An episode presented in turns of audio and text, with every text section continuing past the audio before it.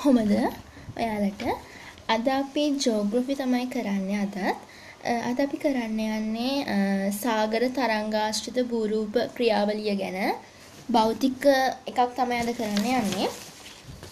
ඉතින් මේ සාගර තරංගාශ්‍රිත භූරූප ක්‍රියාවලිය මේ භූරූප ක්‍රියාවලිය කොටස් ගොඩකට බෙදෙනවා.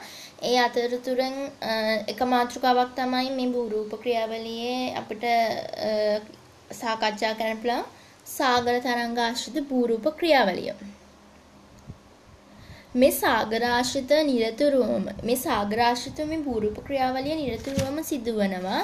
මේක ඊටාම සංකීර්ණ ක්‍රියාවලියක්. මේ සඳහා සුළඟ, පෘථිවි පරිභ්‍රමණය, සූර්ය විකිරණය, ගුරුත්වාකර්ෂණ බලය, චන්ද්‍රයාගේ ආකර්ෂණය, සාගර පතුලේ භූමිකම්පාවක් ඇතිවීම, පෘථිවි භ්‍රමණය, සාගර අභ්‍යන්තරයේ කඳුවැටි නායෑම ගිනි කඳු පිපිරීම මේ ආදී විදිහට සාගරාශ්‍රිත නිරතුරුවම සිදුවන චලන ඉතා සංකීර්ණ ක්‍රියාවලියක් මෙන්ම මේ මේ කරුණු ටික තමයි මේ සංකීර්ණ ක්‍රියාවලියට අයිති වන්නේ. තරංග තරංගයක් කියන්නේ සුළඟේ ඍජු ප්‍රතිඵලයක් වන තරංග වෙරළබඩ භූරූප හැඩගැන්වීමේලා ප්‍රබල ක්‍රියා කරන කාරකයක්. ජල අංශු වෘත්තාකාරව දෝලනය වීමෙන් තරංග චලිතය සිදුවනවා. ජල අංශු වෘත්තාකාරව දෝලනය වීම මගින් තමයි මේ තරංග වල මේ ක්‍රියාකාරීත්වය සිදු වෙන්නේ. අපිට මෙහෙම මේ තරංග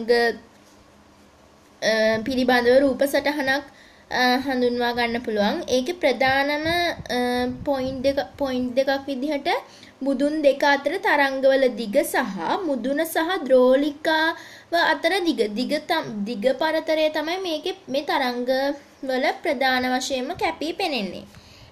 ඊට පස්සේ අපිට සාගර රළ පහර සිදුවන ආකාරය ආකාර තුනක් තියෙනවා.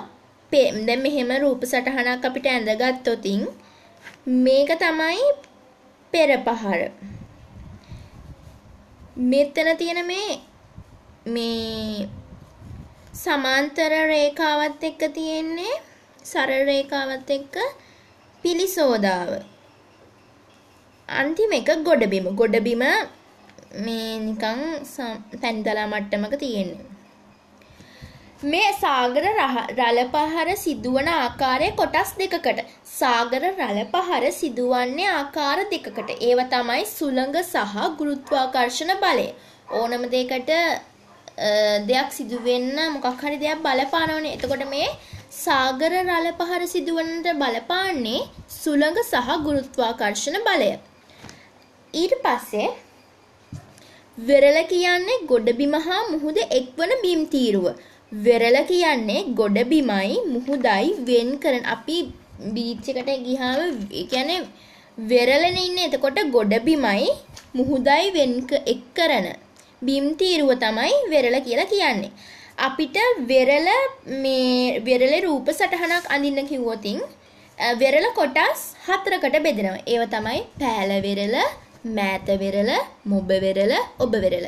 වෙරළ කොටස් හතරකට බෙදෙනවා.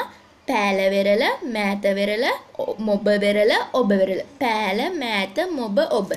අපිට මෙහෙම මේක මේ වෙරළ කොටස් හතරකට මෙහෙම බෙදා ගන්න පුළුවන්. ඒ පාර මේක වඩදිය බාදිය කියලා මෙහෙම වඩදිය බාදිය කියලත් මේක මෙහෙම හඳුන්ව ගන්න පුළුවන්. දඹය ගොඩ බිම මෙහෙමත් තියෙනවා. රූප සටහන මගින් පෙන්වුවන් ගොඩක් මේ පැහැදිලි වෙනවා.